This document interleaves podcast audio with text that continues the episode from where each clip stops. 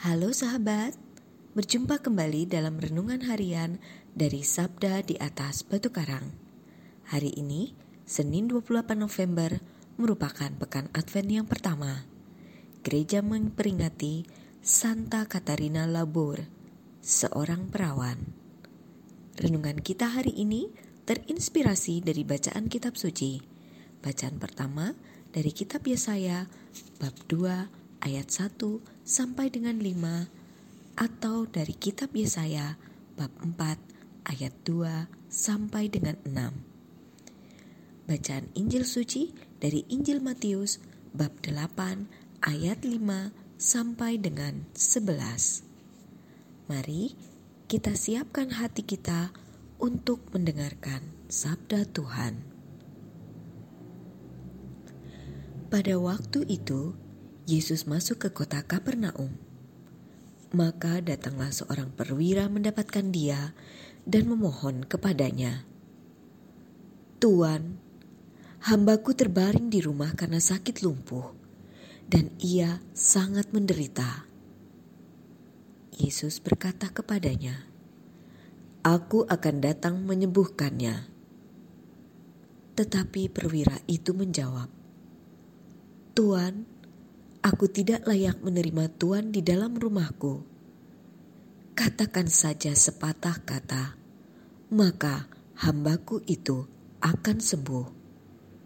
Sebab aku sendiri seorang bawahan, dan di bawahku ada pula prajurit. Jika aku berkata kepada salah seorang prajurit itu, "Pergi," maka ia pergi, dan kepada seorang lagi, "Datang."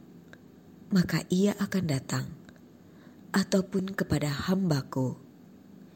Kerjakanlah ini, maka ia mengerjakannya.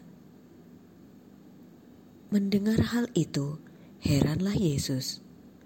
Maka ia berkata kepada mereka yang mengikutinya, Aku berkata kepadamu, sesungguhnya iman sebesar ini tidak pernah kujumpai pada seorang pun di antara orang Israel. Aku berkata kepadamu, banyak orang akan datang dari timur dan barat dan duduk makan bersama dengan Abraham, Ishak, dan Yakub di dalam kerajaan surga. Demikianlah sabda Tuhan. Terpujilah Kristus. Saudara-saudari yang terkasih, sakit penyakit sering membuat kita menderita. Untuk sembuh, kita tidak cukup hanya butuh obat atau bantuan para medis, tetapi juga sikap percaya akan kuasa Tuhan yang diberikannya melalui para medis, alat medis, dan obat. Sebagai orang beriman, bahwa sikap percaya yang demikian akan mempercepat penyembuhan atau pemulihan kita.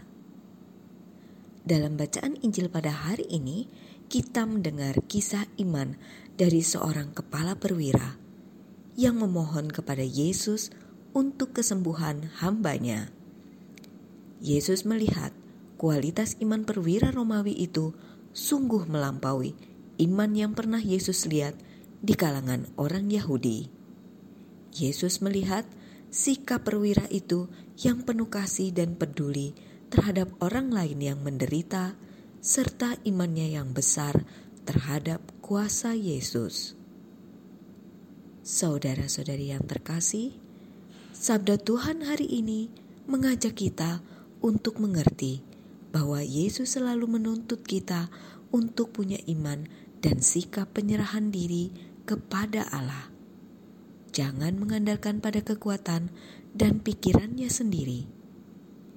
Semoga dengan terang Roh Kudus kita mampu membangun sikap rendah hati datang kepada Tuhan dan dengan penuh iman kita serahkan pada kuasanya.